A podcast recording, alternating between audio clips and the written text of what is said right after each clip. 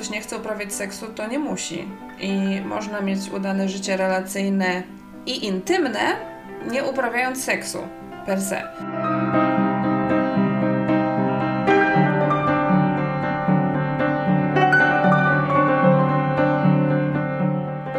Witajcie w podcaście Można Zwariować. Ja jestem Klaus z Fundacji Można Zwariować. E, ja jestem Ania z Fundacji Można Zwariować i Psychoedu. I naszą gościnią dzisiaj jest Agnieszka Szerzyńska, która jest coachką intymności z Instytutu Pozytywnej Seksualności i autorką książki Warsztaty Intymności i też niedługo drugiej książki, o której może trochę powiesz. No ale zaczniemy od klasycznie e, rundki. Ania, z czym zaczynasz? Ja zaczynam z taką trochę fizyczną dolegliwością i jako, że to jest mój ostatni tydzień mm, przed stażem, to dużo pracy i dużo domykania jakichś ostatnich rzeczy, ale cieszę się na tą rozmowę i mam nadzieję, że trochę mnie oderwie od tych y, fizycznych spraw. A ty, Klaus, czym zaczynasz? Ja mm, w ogóle... Y Jestem dosłownie na krótkiej przerwie obiadowej, bo biorę udział w hackatonie, w finale hackatonu i moje koleżanki e, właśnie programistki kodują naszą aplikację, którą wymyśliłyśmy i stworzyłyśmy, więc e, no, jestem tym super podekscytowana. E, a też właśnie mi się coś zdarzyło takiego, że podgrzewam jedzenie w piekarniku z opcją mikrofalówki i niestety nie przestawiłam temperatury i włożyłam, bo jak przestawiam temperatury na 95 stopni, to wszystko się ładnie podgrzewa, ale nie przestawiłam temperatury i włożyłam plastikowe pudełko na 200 stopni, więc wszystko się stopiło na tym jedzeniu. O nie! No, więc, y, hmm, no taki... Yy, taki y, gorszy element y, pozytywnego dnia. Bardzo się cieszę, dlatego że teraz właśnie mam hackathon, y, zaczynam fellowship i mam dużo jakichś takich rzeczy i bardzo lubię się uczyć, więc to jest z tym związane, więc y, mam się spoko. A jak ty się masz, Agnieszka? Cześć, dzień dobry. Jak ja się mam? E, wiecie co, mam ostatnio jakiś taki czas zwolnienia, yy, bardzo potrzebny i dzisiaj też jest taki dzień, który jest raczej w wolniejszym tempie, co jakoś bardzo dobrze mi robi, bardzo tego potrzebowałam od dłuższego czasu. E, a tak w tej chwili mam jeszcze taką e, obawę ze sobą e, związaną z tym, że w mieszkaniu obok dzieją się modernizacje i borowania. I jestem w takim oczekiwaniu, kiedy to borowanie usłyszę trochę. O. Takiej antycypacji. Więc y, może, może je sobie wyfantazjuję i zamanifestuję, a może nie właśnie.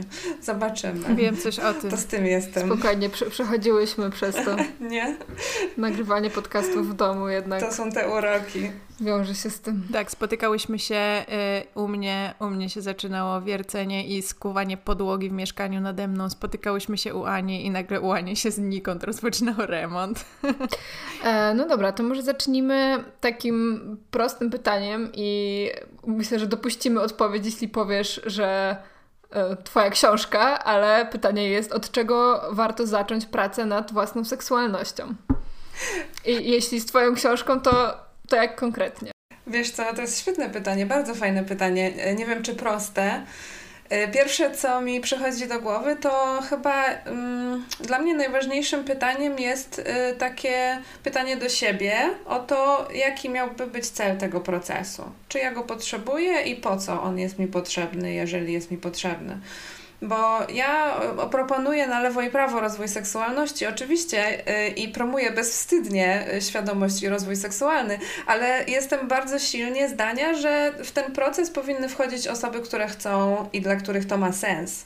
A jeżeli ktoś nie czuje potrzeby takiej, żeby jakoś wchodzić w proces rozwoju seksualności, podwyższania świadomości, edukacji seksualnej i tak dalej, to to jest całkowicie w porządku. To, to, to, to nie jest y, żadna y, sytuacja, która wymagałaby naprawiania, jeżeli ta osoba czuje się ok, w porządku i, i nie ma takiej, takiej potrzeby. Więc to pytanie o potrzebę i cel, do czego mi to ma posłużyć, To mi się tutaj klaruje jako główne.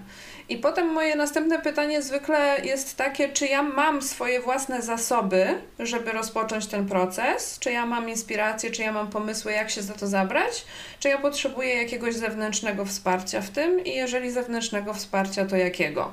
Czy znajomych, czy grupy, czy osoby pracującej pomocowo, w jaki sposób i tak dalej. I książka jest takim rzeczywiście zasobem, który ma posłużyć na początek, który ma być takim bezpiecznym kawałkiem, od którego można zacząć sobie odpowiadać na różne pytania związane z seksualnością, ale to jest oczywiście jedna z wielu, wielu możliwości, wielu kierunków, w których można pójść z takim procesem, nie? Czy dobrze rozumiem, że jesteś zwolenniczką e, takich świadomych pacjentów, klientów, e, którzy już przychodzą do ciebie z jakimś konceptem i z jakimś pomysłem tego, o co im właściwie chodzi, bo my często tutaj w podcaście mówimy o tym, akurat w kontekście tego, e, kiedy warto udać się po pomoc do psychoterapeuty, psychologa, że mówimy o tym tak, że po prostu w wtedy, kiedy sobie pomyślisz w ogóle o tym, że to jest coś, co mogłoby ci w jakiś sposób pomóc, czy wiesz, jeśli się nad tym w ogóle zastanawiasz, to się zapisz, nic na tym nie stracisz, nie musisz się zapisywać na nie wiadomo jak długo, możesz pójść raz, zrezygnować, zobaczyć. A z tego, co ty mówisz, to już tak brzmi, z tego co rozumiem, jakbyś trochę spodziewała się bardziej takich już świadomych osób, które mają jakiś pomysł na to, czego chcą od ciebie, no bo nie jesteś takim zwykłym psychologiem, do którego się przychodzi w, w każdej sprawie jednak, nie? Wiesz co, wydaje mi się, że to, to jest w ogóle bardzo ciekawy i rozległy temat, na ile te różne nasze modalności na siebie nachodzą, na ile specjalizujemy się w podobnych rzeczach, w różnych rzeczach i od czego y, różne osoby pomocowe są. Y, ja y, bardzo często pracuję z osobami, które już w terapii były, na przykład. Okej. Okay. Bardzo często większość moich klientów, klientek, kiedy pytam się o jakąś drogę, która doprowadziła do tego miejsca, że teraz się spotykamy, to częścią tej drogi jest była terapia, ale nie było na niej mowy o seksualności bo jakoś tak wyszło. Nie jesteś pierwszym punktem kontaktu. Mm, jestem bardzo często pierwszym punktem kontaktu w obrębie seksualności. Czyli jestem często, i to powiem Wam, że nadal mnie to zaskakuje, chociaż już tak poznawczo nie powinno, ale emocjonalnie mnie to nadal zaskakuje, kiedy klient, klientka mi mówi, że jestem pierwszą osobą, z którą rozmawia o tych rzeczach. I to jest osoba lat 40 na przykład to powoduje we mnie i, i jakiś smutek, i jakąś złość też, i, i to jest dosyć częsta sytuacja. Więc ja często pełnię rolę takiej pierwszej bezpiecznej przestrzeni, w której można wyrazić siebie w jakimś stopniu seksualnie, czy w ogóle zacząć procesować głośno ten temat, wypowiadać słowa na ten temat, które są wypowiadane w bezpiecznej przestrzeni, nie w przestrzeni, w której wiadomo, że to będzie miało jakieś konsekwencje, takie jak na przykład życie partnerskie, seksualne, bo tam wypowiadanie siebie zazwyczaj jest związane z jakimiś rodzaju założeniami o konsekwencjach przynajmniej. Więc y, ja pracuję bardzo różnie. Zdarzają się osoby, które do mnie przychodzą na jedno spotkanie i one od początku wiedzą, że to będzie jedno spotkanie. Na przykład ja potrzebuję zobaczyć, czy mój y, profil y, w, na jakimś portalu randkowym, to on rzeczywiście jest dobry do tego, czego ja szukam. Tak się zdarza na przykład. Ale to jest Twoja jakaś specjalizacja? Jestem zaskoczona tym, co powiedziałaś, bo nie spodziewałabym się, że ktoś może przyjść z takim pytaniem do coacha. Widzisz? No właśnie, ja jestem na przykład taką osobą, która się specjalizuje w pomocy klientom, klientkom, którzy szukają albo chcą być, albo już są w związkach konsensualnie niemonogamicznych czyli osobom w, w związkach otwartych, poliamorycznych, swingującym i często trafiają do mnie osoby, które szukają takich relacji, mają trudność, ponieważ nie wiedzą dokładnie, gdzie pójść, żeby z jednej strony znaleźć być może osoby, które by były otwarte na taki rodzaj relacji, jak to zakomunikować i jeszcze na dodatek jak to zakomunikować tak, żeby nie dostać za bardzo po głowie, za to, że się e, szuka czegoś, co jest nieakceptowalne i w ogóle się nie powinno w ten sposób ogłaszać tego publicznie. Więc na przykład w takiej sytuacji zazwyczaj to jest spotkanie jedno, jedno spotkanie, jedna godzina, e, ciach, ciach, ciach i jest zrobione. Jest z jednej strony rzeczywiście patrzymy od strony praktycznej, czy tam jest zakomunikowane to, co by się chciało zakomunikować, a z drugiej strony strony trochę się zastanawiamy nad tym właśnie, co ja chcę zakomunikować temu światu, nie? Na ile moje autentyczne ja jest gotowe, żeby się wyrażać w jakiejś przestrzeni publicznej, na ile moje autentyczne ja może być sobie w prywatności pozostając, jakiej wcale się nie, nie, nie ogłaszając specjalnie. Ale to są takie, takie przypadki, gdzie rzeczywiście jedno spotkanie to, to jest to, co jest potrzebne. Są takie przypadki, kiedy pracuję z kimś 3-6 spotkań i to daje takie efekty, że ta osoba czuje się wystarczająco usamodzielniona, żeby dalej sobie radzić ze swoimi rzeczami sama, na przykład dalej szukać jakichś y, punktów porozumienia z osobą partnerską, albo y, dalej sobie eksplorować jakieś nowe rodzaje seksualności, które by chciała wypróbować, a zdarza się tak, że to są dłuższe procesy, y, takie, które trwają kilka miesięcy. To bardzo, bardzo zależy od przypadku. A na ile w trakcie takiej pracy mm, trochę zajmujecie się takimi kwestiami językowymi? No bo e, ja czasami też, e, kiedy rozmawiamy o emocjach, czy właśnie o, o, komunikowaniu emocji w trakcie konsultacji czy terapii, to czuję się jakbym e, po prostu uczyła kogoś nowego języka i, i muszę zaznaczyć, że no tak, to jest trudne, wiem, ale czuję się jakbym faktycznie to były takie no, nowe słówka albo jakiś nowy czas nagle. Czy, I mam wrażenie, że ten język seksualności w Polsce jest no, ogromnym tabu, ale też, że ten dobór słów jest często jakiś niefortunny, bo mamy albo takie bardzo spłycone słowa, e, takie, które wydają mi się infantylne, albo takie bardzo medyczne. E, i, i, na, I na ile to jest też częścią Twojej pracy? E, wiesz, to jest strasznie ciekawe, że teraz o to pytasz, bo to językoznawstwo i seksuologia to są dwie moje miłości i nie potrafię się zdecydować, która jest ważniejsza w gruncie rzeczy. One mi się ogromnie mieszają. I ja chyba nie potrafię już patrzeć ani na jedno, ani na drugie, nie patrząc na jedno i drugie jednocześnie. Skleiły mi się zupełnie. Więc yy, ja mam bardzo duże doświadczenie w zastanawianiu się nad tym, po co jest język, po co jest komunikacja, Moja e, praca magisterska na studiach językoznawczych była o tym, jak uczyć języka, języków obcych, tak żeby one służyły do komunikowania swoich potrzeb, a nie do tego, żeby spełniały czyjeś żądania na temat właściwych końcówek i poprawności.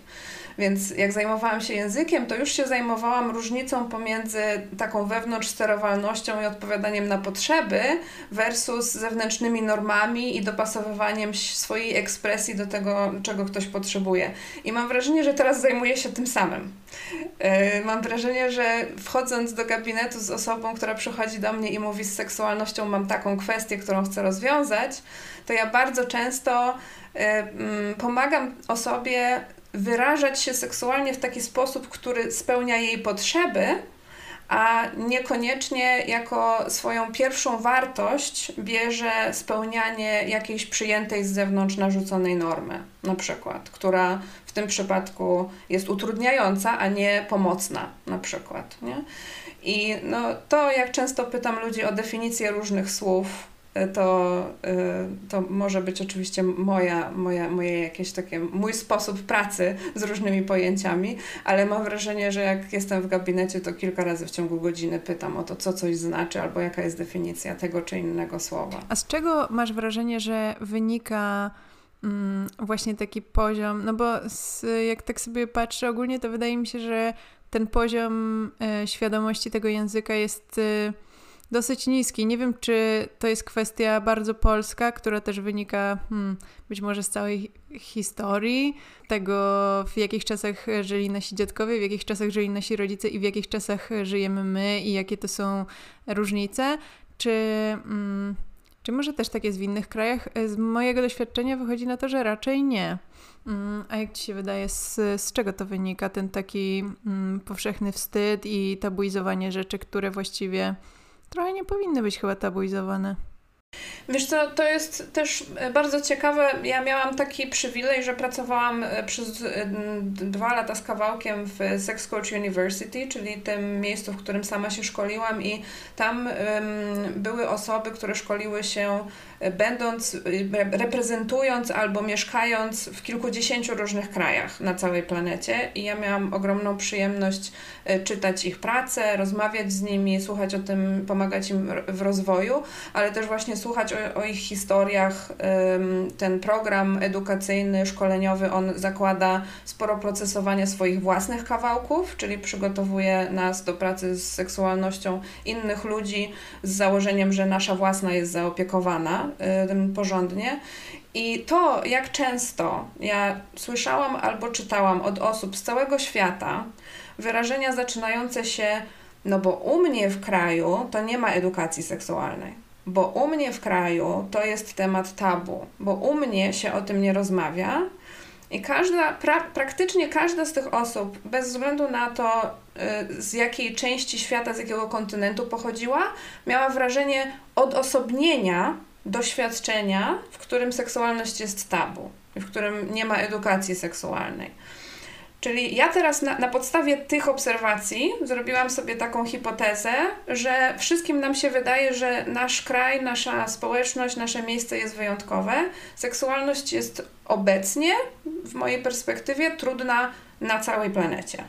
Jest tematem, który jest w jakiś sposób ważki i trudny i w jakimś procesie silnej zmiany globalnej. Takie sobie, taką generalizację sobie zrobiłam. Tak, ale, ale na pewno są kraje, um, nawet w Europie czy, czy na świecie, których dzieli prawo tak, dotyczące seksualności, dotyczące edukacji seksualnej. No i w dużej mierze to też wiąże się z religijnością. No, Polska jest uznawana za kraj katolicki i mówi się, że teoretycznie nie wiem, tam 90% tak, osób żyjących jest katolikami, co no, jest teraz wątpliwą prawdą. No zobaczymy po nowym spisie powszechnym. tak, natomiast no to, co mi się kojarzy, i może to jest też stereotypowe, no to wszystkie kraje muzułmańskie, czy właśnie jakieś y, mocno religijne, y, też gdzieś ma, są zamknięte na ten, na ten temat, tak? na, na rozmowę na ten temat. Wydaje mi się, że też w Polsce to, to gdzieś zaczyna się przebijać. Oczywiście w, na, na podstawie takiego podziemia trochę, e, tak, czyli właśnie no, są książki, są, nie wiem, konta na Instagramie szerzące psychoedukację, są podcasty, ale jakby systemowo nic się nie dzieje, a wręcz e, gdzieś jest to edukacja seksualna może być penalizowana, tak? Um, natomiast to, co mi się jeszcze tak teraz przypomniało i zastanawiałam się właśnie, czy oglądałaś serial Sexify. Oglądałam, tak. Ja mam taki problem z tym serialem, że, że faktycznie mm, jakby już abstrahując od kwestii jakby technicznych, po prostu gdzieś realizacja e, i scenariusz e, no, nie przypadł mi do gustu. E, ale jest taka ciekawa kwestia w przypadku mm, chyba Pauliny, czyli tej dziewczyny, która zaręczyła się z, właśnie z chłopakiem, z którym mieszkała. On był jakiś, jakiejś szkole wojskowej chyba i miałam takie wrażenie, że jej samoświadomość rosła, że gdzieś w ogóle zaczynała się z różnych miejsc do, dowiadywać o tym, że właśnie, nie wiem, są sklepy z wibratorami i można je kupić, albo że właśnie była na jakichś tam tych warsztatach, e, tak? Czy, czy w ogóle zaczęła gdzieś słyszeć słowo orgazm i jakoś wypowiedziane na głos i samoświadomość wzrastała, natomiast e, no, nijak nie przekładało się to na komunikację i ta komunikacja cały czas leżała do końca tego serialu. E, tam nie było praktycznie żadnej rozmowy na temat seksualności z jej no, narzeczonym. E, I gdzieś e, to mnie trochę bolało w tym serialu, że, że ta kwestia została totalnie pominięta i wszystkie te kwestie psychologiczne, no bo jakby aplikacja miała stricte jakby ulepszyć orgazm, tak, czy um, umożliwić jakby odczuwanie przyjemności przez kobietę, natomiast cała ta kwestia komunikacji tam została jakby potraktowana po macoszemu. Jestem ciekawa, jak, jak ty to odebrałaś? E, wiesz co, jeśli chodzi o, o cały serial, to e, ja też go bardzo doceniam za wiele rzeczy i mam wiele rzeczy, które bym zmieniła. To chyba takie dosyć standardowe e, w narracjach popularnych.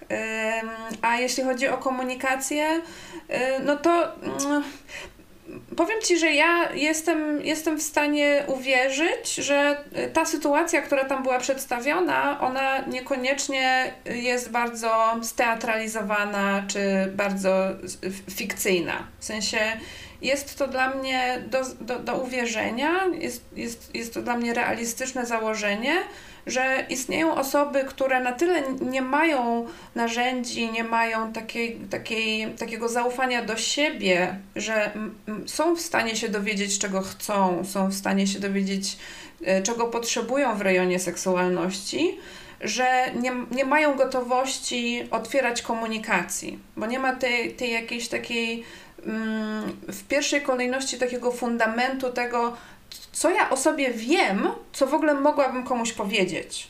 Nie? Więc mm, ta, ta sytuacja nie wydała mi się niemożliwa w tym sensie. Bardzo chętnie bym widziała więcej przykładów dobrej komunikacji w serialach, filmach, i to jest coś, o czym y, trąbię od dawna i, y, i nawołuję do tego, żeby było więcej w ogóle mowy o dobrych przykładach, nie tylko o tym, jakie można mieć problemy, ale też jak je rozwiązywać. Jest, wydaje mi się, cały czas bardzo niewiele seriali, w, którym, w których można obejrzeć przykłady tego, jak ludzie mają konflikt, a potem za pomocą komunikacji go sensownie rozwiązują. Te konflikty są zwykle rozwiązywane w jakieś inne sposoby w tych popularnych mainstreamowych narracjach niż komunikacja, porozumienie bez przemocy, komunikacja za pomocą ja, potrzeby i tak dalej.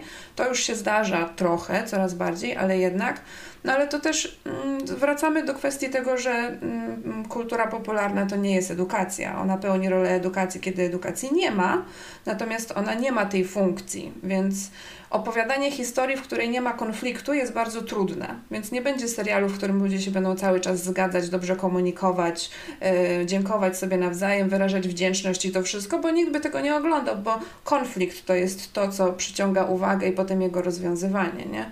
Więc to wracamy znowu do tego, że tych rzeczy Sexify nie powinien mieć obowiązku nas uczyć. Mhm. Nie no jasne, ja też zgadzam się na pewno z tym, że, że tak to pewnie wygląda i to jest odzwierciedlenie rzeczywistości. E, natomiast trochę e, słyszałam takie właśnie opinie, że to miał być taki przełom e, w tej seksualności w Polsce, że, że gdzieś pierwszy taki serial I, i chyba właśnie nastawiłam się na to, że to będzie takie bardziej sex education, a wyszła no po prostu jakaś taka opowiastka komediowa. Um, natomiast no właśnie, gdyby, gdyby miał to być z założenia taki serial psychoedukacyjny, czy o jednym, gdyby miał być to serial z założenia taki, który też edukuje seksualnie, gdyby to miał być, nie wiem, materiał właśnie taki typowo, e, właśnie wymarzony materiał, który ogląda się na lekcjach WDŻ-u zamiast tych historii o rodzinie i o e, macierzyństwie i oddawaniu się mężowi, które ja na przykład oglądałam, e, to, to jak byś ubrała przykłady komunikacji?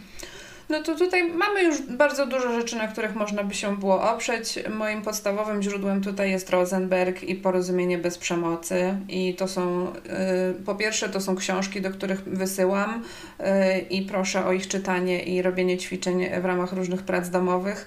E, a z drugiej strony to są takie rzeczy, z których y, jakieś kawałki staram się przekazywać i na warsztatach grupowych, i podczas sesji, czyli właśnie komunikat ja i rozpoznawanie w ogóle swoich emocji i potrzeb i zaczynanie komunikacji od tego miejsca, bardziej od ja niż od ty. E, te wszystkie rzeczy są w sumie dosyć dobrze rozpoznane, nie? I mamy bardzo dużo materiałów do tego, żeby stworzyć takie, takie rzeczy. Więc e, to chyba tylko kwestia kogoś, e, kto będzie miał po pierwsze czas i, i e, zasoby i kamerę wideo i napisze dialog, który będzie właśnie przykładem takiego zastosowania tego wszystkiego, co już wiemy, że działa do takiego właśnie kontekstu seksualności. Właśnie mówisz o seksualności, a czy coaching intymności, czy on musi się wiązać z seksualnością? Czy osoby tylko przychodzą do ciebie w tym kontekście? E, tak, z zasady osoby przychodzą do mnie w kontekście seksualności. Często ta, ten kontekst seksualności okazuje się nie istnieć bez całej reszty życia, bo seks nie jest odłączony od całej reszty życia. A ja wybrałam sobie słowo intymność, dlatego że ja w ogóle znowu jestem zdania, że jak ktoś nie chce uprawiać seksu, to nie musi. I można mieć udane życie relacyjne i intymne, nie uprawiając seksu per se. Bo w ogóle z definicją seksu też jest teraz pewien, nie chcę nazwać, że, nie chcę tego nazwać problemem, ale jest ona w ruchu, powiedzmy, i takim bardzo rozwojowym w moim poczuciu. Więc ym, dlatego wybrałam słowo intymność, że intymność ym, ma dla mnie wymiar i może mieć dla innych osób, z którymi pracuję, wymiar w ogóle nieseksualny, nie dotykowy, tylko związany właśnie ja, ja intymność w tej chwili definiuję jako możliwość wyrażania siebie, wyrażania siebie w relacji z kimś. To jest dla mnie to, co gdzieś stanowi to, że relacja jest intymną relacją w jakimś szerokim znaczeniu, czyli przyjacielska też może być intymna w tym znaczeniu. Dlatego gdzieś takie szerokie szeroka definicja mi bardziej przyświeca, bo wydaje mi się, że większość kwestii, w których ja pomagam ludziom, to nie są kwestie robienia, uprawiania seksu, tylko to są kwestie właśnie wyrażania siebie w poczuciu bezpieczeństwa. Ja też mam właśnie wrażenie, że intymność to jest dużo szerszy temat niż sama seksualność. A czy dzieje się tak czasami, że ktoś do ciebie przychodzi szukając rozwiązania jakiejś swojej zagwostki, która jest właśnie związana z seksualnością, czy z, no powiedzmy, że z intymnością. I ty zauważasz, że problem leży gdzieś zupełnie indziej, że być może to jest na pracę z psychoterapeutą, być może to jest coś na pracę z, z psychiatrą, e, czy to jest coś, co ci się zdarza, czy zazwyczaj to są właśnie takie osoby, które szukają właśnie konkretnej odpowiedzi na już konkretne pytanie, bo tak jak powiedziałaś, były już na tej wizycie u psychiatry czy u psychologa? Ogromna większość osób, które do mnie przychodzi, to są osoby, które mm, mają albo za sobą jakiś proces rozwojowy, już niekoniecznie terapeutyczny, ale taki wspomagający świadomość i albo to są osoby, które są po terapii jednej, dwóch, dłuższej, e, po różnego rodzaju już za, zaopiekowaniu e, takiego zdrowia szerokiego, szerokiego psychicznego. Więc mi się to rzadko zdarza.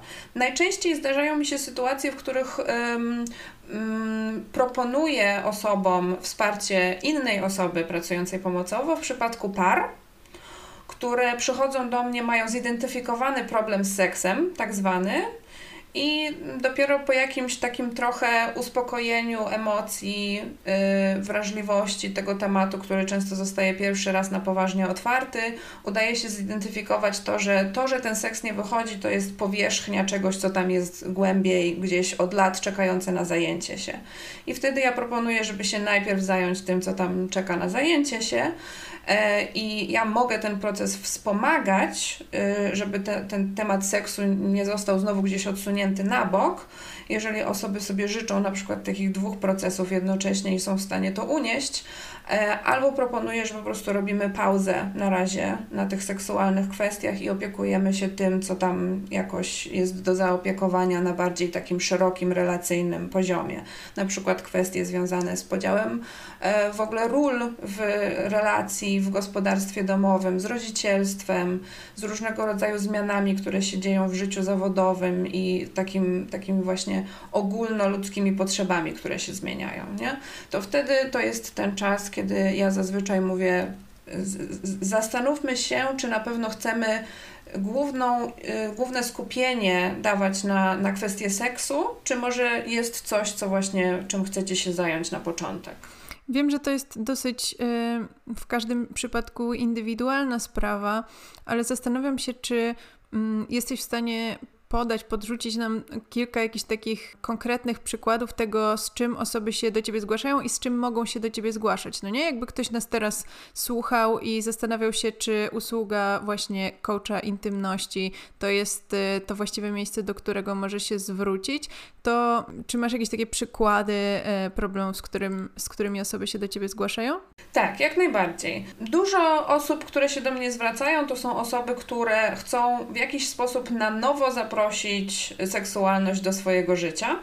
To często jest y, dostrzegane czy obserwowane przez osobę jako gdzie mi się to pożądanie podziało, ja chcę z powrotem, żeby było tak fajnie, jak było kiedyś.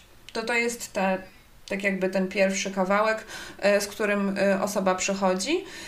I, I to zazwyczaj prowadzi do takiego procesu właśnie zdawania sobie sprawy, dlaczego życie seksualne spadło na jakiś dalszy tor, to nie jest nic niezwykłego, że ono jakby fluktuuje i nie jest tak, że przez całe życie jest na jakimś wysokim priorytecie, e, ale wtedy mogę pomagać właśnie trochę w zrozumieniu, jak je z powrotem zaprosić. Czyli różne kwestie związane z pożądaniem, z jego wyciszaniem się, z tym, e, z takimi, z priorytetyzowaniem życia seksualnego. Jeżeli mamy poczucie, że chcemy, żeby to był większy priorytet niż jest, to to jest często to, czym, w czym ja mogę pomóc.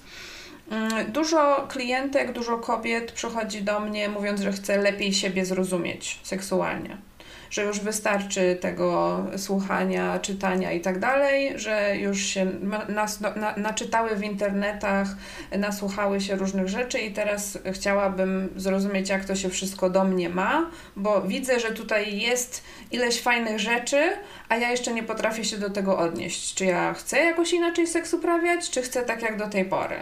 E, czy ja chcę, mam jakieś potrzeby, o których ja jeszcze w ogóle nie wiem? W sumie to jak mnie ktoś pyta, jakie mam potrzeby, to ja tak właśnie nie za bardzo potrafię je określić. Zaczyna mi, mnie to uwierać, że ja tego nie wiem, chcę to wiedzieć. Nie? to takiego rodzaju sytuacje to też jest częsty kawałek, którym się zajmuję. Też kwestie związane z orgazmicznością na przykład, czyli jak mieć orgazm w przypadku e, e, klientek cispłciowych kobiet, um, albo jak mieć wolniej orgazm, albo jak mieć szybciej orgazm, albo jaki orgazm i w ogóle dookoła orgazmiczności różne kwestie. E, dużo pracuję z parami, które mają różnego rodzaju takie poczucia niedopasowania. Jedna osoba chce mniej, druga osoba chce więcej, jak tutaj się dogadać. Jedna osoba inicjuje, druga nie inicjuje, chciałoby się tę dynamikę jakoś trochę pozmieniać. E, odmawianie sprawia trudność, albo się nie odmawia, tylko jest dynamika jakiejś takiej e, komunikacji różnymi sygnałami, która powoduje też jakieś trudności. Nie wiadomo do końca, czy ktoś chce, czy nie chce tego rodzaju dynamiki w parze też mogę pomagać rozwiązywać y, i y, zajmuję się, tak jak powiedziałam, konsensualną niemonogamicznością, czyli pomagam osobom w relacjach poliamorycznych albo szukających takich y, relacji. A czy jesteś też dobrym miejscem dla osób, które na przykład doświadczyły y, jakiejś przemocy czy molestowania seksualnego i y, wycofały się trochę i teraz chcą na powrót y, jednak zająć się swoją seksualnością? Bywam pierwszą osobą kontaktu dla takich osób i w takich przypadkach mm, ja jako swoje pierwsze zadanie widzę podczas pierwszej sesji czy dwóch pierwszych spotkań zidentyfikowanie, czy to jest temat, który wymaga zaadresowania w sposób bardziej terapeutyczny, czy to jest osoba, która jest y, w tej chwili gotowa na pracę bardziej stu i teraz. Bo ja jestem bardziej od teraźniejszości i przyszłości. To nie jest tak, że ja udaję, że przeszłość nie istnieje, bo oczywiście, że ona jest częścią naszej teraźniejszości. Natomiast ja używam przeszłości, żeby y, pomagać ludziom decydować, czego chcą teraz i czego chcą jutro i za miesiąc. Natomiast jeżeli jest taki przypadek, a w przypadku doświadczeń przemocy seksualnej często bywa taka potrzeba, żeby się zatrzymać nad tym, co się wydarzyło i sprawdzić, to, czy jesteśmy w stanie jakoś to zintegrować, to doświadczenie, to od tego są inne osoby pomocowe i wtedy mm, zazwyczaj ja po prostu staram się stworzyć tę pierwszą bezpieczną atmosferę. To też bywają osoby, które pierwszy raz o tym mówią e, w takim, w takim kontekście proszenia o pomoc. Więc po prostu staram się bardzo, żeby to był dobry pierwszy krok, który ta osoba robi, a następne kroki są wykonywane z inną osobą pracującą terapeutycznie. Mhm. Powiedziałaś też o tym, że przychodzą do ciebie pary, y, które gdzieś trochę komunikują się takimi sygnałami i faktycznie to, to jest no, dość logiczne, że jeśli mm, temat seksualności jest tabu, no to nie mówimy wprost o pewnych rzeczach, czy nie wiem, nawet to pytanie, czy chcesz się dzisiaj, czy chcesz dzisiaj uprawiać seks, jest pewnie dla wielu par, par trudne, tylko czeka się na jakiś sygnał. E, no i właśnie, i to jest spójne z tym, że mm, E, że się tym komunikujemy. Natomiast e, też spotkałam się z takimi gdzieś opiniami w kontekście właśnie edukacji seksualnej, która zaczęła się pojawiać e, parę lat temu w Polsce na przykład za sprawą Fundacji Sexet, czy, czy właśnie różnych blogów, Instagramów, e, że takie właśnie pytanie o świadomą zgodę, czy pytanie o mm, granice, tak, czy stawianie granic, czy w ogóle pytanie, czy coś się podoba, czy coś mogę, że, że to jakoś psuje atmosferę e, i, i że jest takim no, czymś niezręcznym, albo czymś właśnie wręcz nie, niewłaściwym, sztywnym. Albo technicznym i mało romantycznym. O, właśnie, mało romantycznym, to już na pewno. E, jak, jak przekonałabyś osobę, które, która właśnie w taki sposób myśli i która no, będzie unikała takiego, takiej otwartej komunikacji? E, wiecie co, tak, to jest pytanie, z którym ja się często spotykam, czy taki, taka trudność, z którą się spotykam, na przykład na warsztatach grupowych, kiedy ja tutaj cała jestem podekscytowana zgodą i tym, że teraz możemy się tak jasno pytać, że wiadomo i w ogóle jak to tak fajnie wiedzieć, że się kogoś nie gwałci, nie? No super, po prostu, fantastycznie, poczucie bezpieczeństwa, wszystko, jazda, super. I pojawia się ten element właśnie e, nieromantyczności, nietojemniczości, psucia atmosfery, to ja mam dwa sposoby na to. Jest sposób krótki i sposób dłuższy. E, sposób krótki e, to jest, znowu ja staram się też używać komunikatów ja, wtedy kiedy to jest na miejscu, w takim warsztatowym, bardziej edukacyjnym kontekście może być na miejscu i mówię na przykład, że ja, i to szczerze, nie zmyślam, uważam, że mówienie tak jest super seksowne i wobec tego, jeżeli ktoś mi zada pytanie i da mi szansę, żebym ja powiedziała tak, to to jest po prostu super seksowna sprawa, że można powiedzieć tak. Super seksownie jest usłyszeć od kogoś tak. I z tym się większość osób zgadza. Więc e, tak naprawdę ta, ta trudność, ona nie ma związku z usłyszeniem tak, to jest trudność z usłyszeniem nie.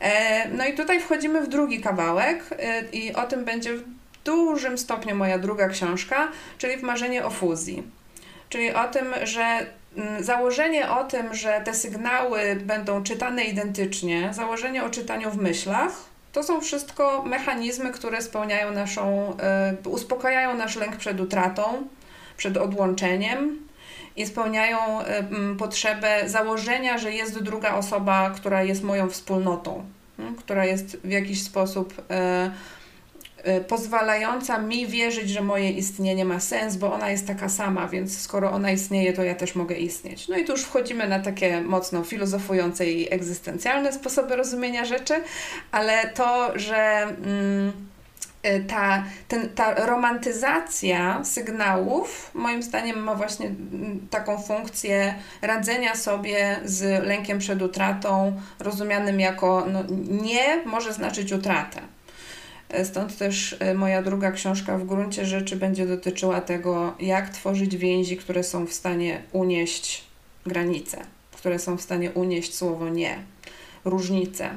E, że wtedy, kiedy jest między nami różnica, czyli na przykład jedna osoba czegoś chce, a druga nie, to to niekoniecznie znaczy, że to już jest strata, koniec więzi, mogiła, do widzenia, tylko że więź jest czymś, co jest w stanie unieść różnicę. I wtedy trochę rozmiękczają się te, te właśnie te, te wszystkie modele myślowe, które mówią, że musimy romantyzować, musimy mieć tajemniczość i tak dalej. Właśnie, bo, bo to nie jest często taką implikacją, że to teraz nie jestem atrakcyjna, albo jak teraz nie, to już nigdy nie. E, I, i wchodzimy w dużo takich, e, takie wyolbrzymianie się zaczyna, nie? I, i nagle jest milion innych interpretacji, a, a to jest po prostu nie na tu i teraz, e, a nie nie dotyczące wszystkiego w wielu przypadkach. Tak, tak. Wydaje mi się, że te, te przykłady takich amplifikacji, takiego wzmocnienia tego komunikatu, które podałaś, one są właśnie wyrazami lęku przed utratą. Czyli mówisz, czy sygnalizujesz mi, że nie chcesz seksu, boję się, że to znaczy, że cię stracę. No, I to amplifikuje się do takich dużych tych. No, moim zdaniem użycie słów, szczególnie jeżeli jesteśmy w stanie tymi słowami przekazać, że więź cały czas jest, nawet wtedy, kiedy nie mamy ochoty na seks, może być dokładnie tym, co ten y, lęk przed utratą zaopiekuje w tej sytuacji. Czyli powiedzenie: Uwielbiam z tobą uprawiać seks, teraz moja głowa jest gdzie indziej. Nie chcę z tobą uprawiać seksu, kiedy moja głowa jest gdzie indziej, chcę być obecna z tobą w seksie te, te, w tej chwili nie, ale uwielbiam seks z tobą. Więź cały czas jest. Tak? Moje nie nie oznacza, że jest koniec wszystkiego. Słowa są świetne do opiekowania się tym lękiem. Mhm. No tak, ale też inne gesty, takie nawet jak, nie wiem, przytulenie się, czy, czy po prostu jakaś inna, właśnie inny wyraz intymności, e, który nie musi być od razu tym seksem. Mhm, zgadza się, tak. A no właśnie, five, y, five love languages, no nie? Mhm. Można sobie zrobić e, test w internecie, jaki jest twój love language. Tak jest, bardzo przydatne. Mój na przykład to jest e, acts of service. Hmm, czyli te przysługi. I zauważyłam, że rzeczywiście tak jest, że jakoś tak podświadomie, jak chcę komuś coś zrobić miłego, to zawsze sobie myślę, jak takiej osobie coś ułatwić albo jakoś pomóc, że wydaje mi się, że w ten sposób y, okazuje jakby caring. No, ale ja to ja. A chciałam Cię jeszcze zapytać, dlatego że przeczytałam na Twojej stronie internetowej taką bardzo fajną rzecz odnośnie tego, jak się nauczyć rozmawiać o seksualności o swoich potrzebach w relacji. E, przeczytałam taki fragment, w którym piszesz, że e, że warto to robić w takich e, codziennych sytuacjach, na przykład, że idziecie gdzieś sobie ulicą obok jakiegoś kiosku i na okładce gazety jest napisane na przykład e, pięć e, rzeczy, których ona pragnie w łóżku i że to może być e, super zapalnik do rozmowy. Masz jeszcze jakieś takie protipy? Tak, to jest takie, ja, ja to nazywam zahaczeniem się, żeby szukać jakichś punktów, no, o które się można zahaczyć i też wyjść z takiego założenia, że w parze, w relacji rozmawianie o seksie musi oznaczać koniecznie rozmawianie o tym, czego się chce, czy co się chce, co się chce robić albo czego się nie chce robić.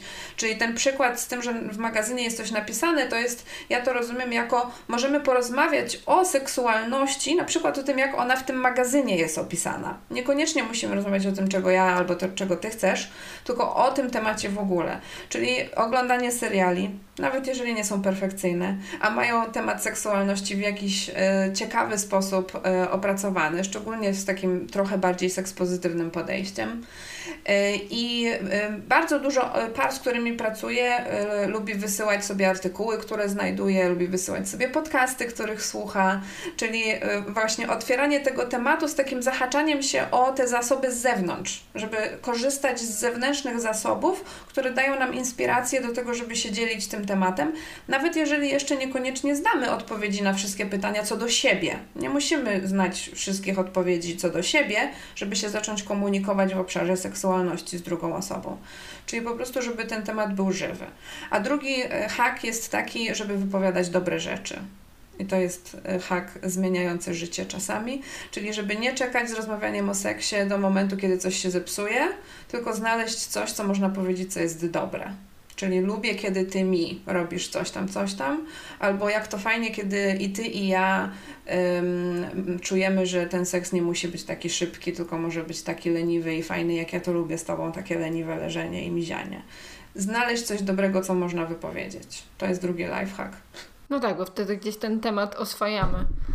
A co byś doradziła osobie, która właśnie chce jakoś zacząć takie szersze rozmawianie o seksie i o, o, seksualności w swojej relacji, o bliskości, o intymności, ale trochę jest y, zakręcona w tym tabu, w, y, wstydzie.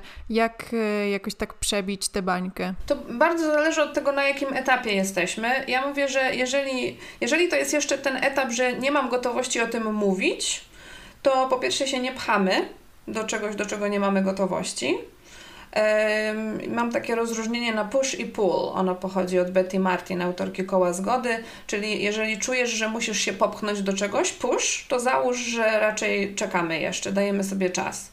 Jeżeli czujesz, że coś cię ciągnie w tamtą stronę, czyli czujesz pull, przyciąganie do tej aktywności, nawet jeżeli ona wydaje się trudna, jeszcze nie wiem jak to zrobić i tak dalej, ale czuję przyciąganie, a nie muszę się popychać, to być może warto się dać przyciągnąć i coś zacząć wypowiadać.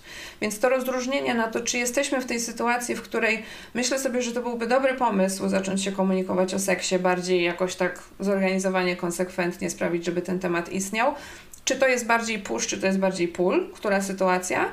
Jeżeli cały czas muszę się popychać, to wracam do słuchania, czytania yy, i unarzędziowiania się. Czyli jeżeli sama jeszcze nie mam gotowości wypowiadać języka seksualności, to staram się jak najbardziej słyszeć i widzieć przed sobą język seksualności. Trochę się w nim jeszcze pokąpać, pokąpać, bo jak coś, im więcej czegoś słyszę, tym potem łatwiej te słowa staną się moje i będą mogły wyrażać mnie. Tak samo jak z językami obcymi, nie? Im więcej słuchamy, tym więcej mamy takiej gotowości, żeby siebie wyrażać w ten sposób. I to jest jakby pierwszy krok, czyli najpierw słuchanie i y, kąpanie się, potem wyrażanie się. Jeżeli jest gotowość na wyrażanie się, to wtedy trzeba sprawdzić, czy druga osoba też jest na tym samym etapie co my. Czyli pierwsze otworzenie rozmowy ja bym widziała jako meta rozmowę w gruncie rzeczy. Czyli ja mam gotowość rozmawiania o seksualności, swojej, twojej, naszej, może jeszcze nie, może tak ogólnie, nie o naszej, tylko tak w ogóle. Czy ty masz taką gotowość?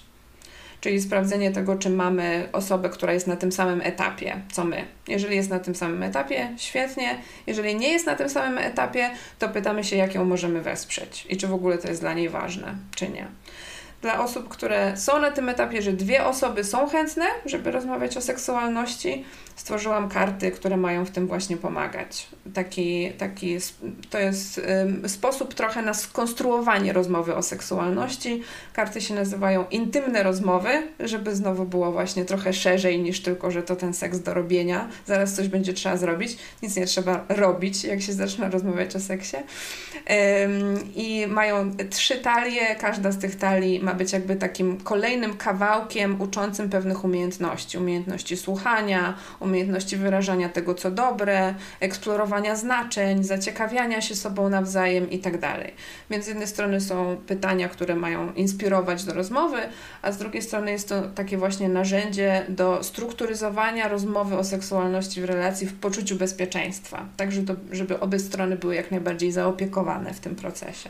No, te, też a propos tego, co mówisz, um, podobało, spodobało mi się słowo kąpanie się w tych tekstach, czy, czy słuchanie, słuchanie o seksualności, e, no to zachodzi chyba taki prosty um, efekt habituacji, że, że jak czymś się otaczamy, to przyzwyczajamy się i to po pewnym czasie po prostu już nie jest takie straszne i niezręczne i dziwne i nie, śmieszne, e, więc...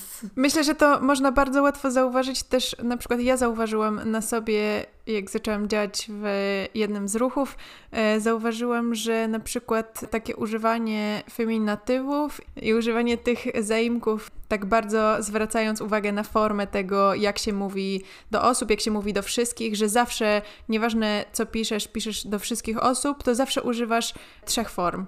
Zawsze. I wszyscy tak robią, nie? Nawet w mowie, nawet to jak my mówimy o tym w podcaście, że zawsze zaznaczamy, jeśli e, mieliście lub miałyście, I na początku, jak zaczęłam tego słuchać i to obserwować, to się wydawało takie. No dziwne. No wiecie, że jakby nie, nie używa się tego tak na co dzień i wszędzie. A teraz sobie myślę, że Wow, jest to wręcz y, oczywiste. Nie wyobrażam sobie robić inaczej, bo w, w ten sposób ekskluduję jakąś y, grupę z mojej wypowiedzi.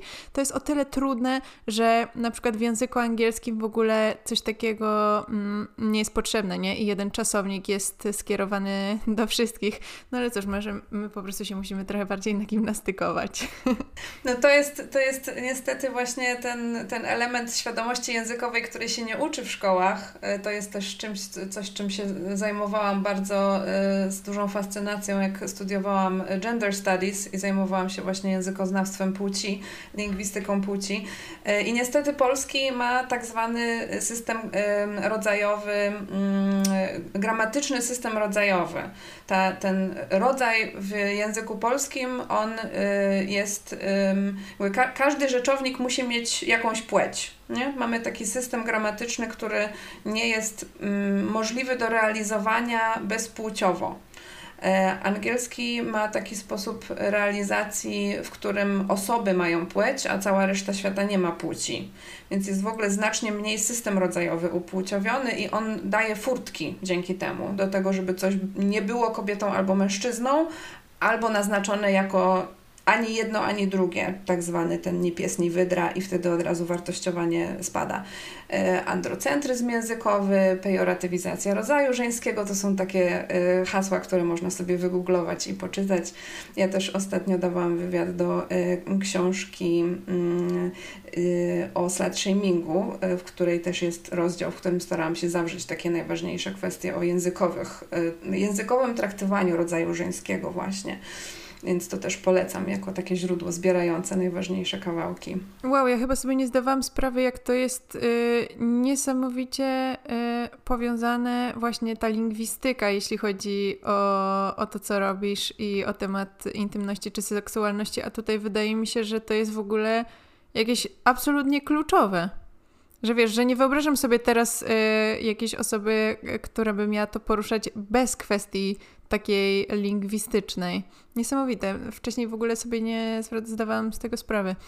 E, a czy chciałabyś jeszcze e, opowiedzieć e, o tym, czym się zajmuje Instytut Pozytywnej Seksualności? Pewnie, tak. No, Instytut Pozytywnej Seksualności powstał dzięki Agacie Lewe, która wpadła na pomysł, że Polska potrzebuje pozytywnej seksualności po swoich studiach w San Francisco, gdzie się ona się topiła w pozytywnej seksualności.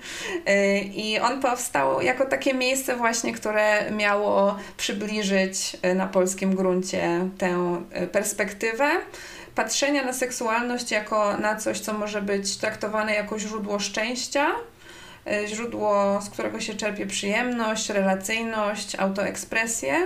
E, nie tylko źródło, które a to cały czas jest prawdziwe, ale właśnie nie tylko ma służyć do robienia dzieci i przedłużania gatunku, a sposób pracy z seksualnością ma nie polegać tylko i wyłącznie na diagnozowaniu zaburzeń. Czyli to jest podejście, w którym nie, nie tylko staramy się eliminować cierpienie, ale też staramy się dążyć do szczęścia bo to wbrew pozorom nie jest to samo, tylko bardziej dwie strony tej samej monety.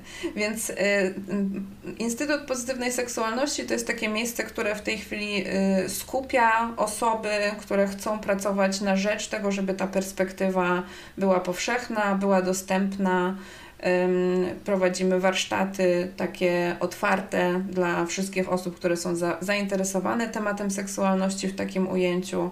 Prowadzimy warsztaty eksperckie dla osób, które chcą się szkolić w pracy z seksualnością w podejściu sekspozytywnym e, i mamy program stażowy, którym kolejne osoby się um, uczą tego, jak w, tym, w, tej, w tej filozofii działać, jak ją wspierać i, i swoje właśnie, własne ścieżki wydeptują y, i, i jakby staramy się przybliżać całą tę taką sekspozytywną filozofię, perspektywę.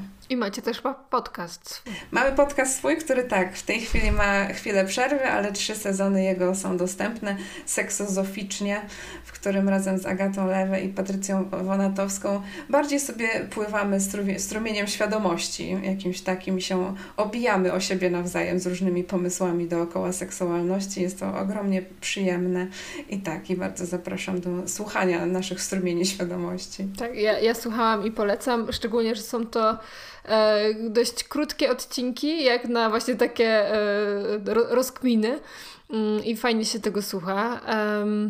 Chciałam jeszcze na koniec zapytać, e, czy może masz jakieś swoje obserwacje a propos właśnie mm, tego, z czym osoby do ciebie przychodzą, te, czy, czy może jakieś szersze obserwacje, jak też w pandemii się zmieniło. E, z, no nie wiem, czy właśnie zmieniła się jakaś rozmowa o intymności, czy w ogóle jakaś, e, jakieś podejście?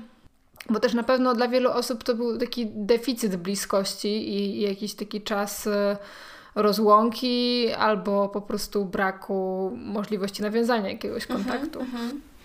No, ja, ja się spotkałam z, z dwoma takimi trendami. To pewnie w żaden sposób nie jest statystycznie reprezentatywne, tylko jednak bardziej opisuje to, kto do mnie przyszedł w tym czasie.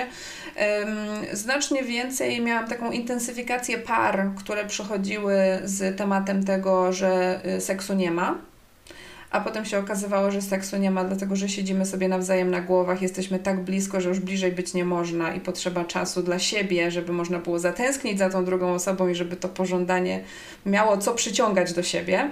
Czyli ten efekt pandemii, w którym to, to jakby zamknięcie wspólne e, wpłynęło na, na dynamikę w parze i na dynamikę pożądania też, ja mam wrażenie, to, to zupełnie nie jest nowy temat. To nie jest tak, że w pandemii się tak zrobiło. To jest jeden z głównych tematów pracy Esther Perel, która mówi o tym od lat y, i to, to jest zupełnie rozpoznane y, w stałych relacjach się dziejące w dużych, dużej ilości. Natomiast wydaje mi się, że pandemia to wzmocniła i sprawiła, że w niektórych przypadkach stało się na tyle silne, że już wymagało zaopiekowania się, już, już, już był ten moment. E, a druga kwestia y, to y, zwiększyła się ilość takich osób, które zastanawiały się nad tym, jak bezpiecznie uprawiać seks przez internet w moim gabinecie.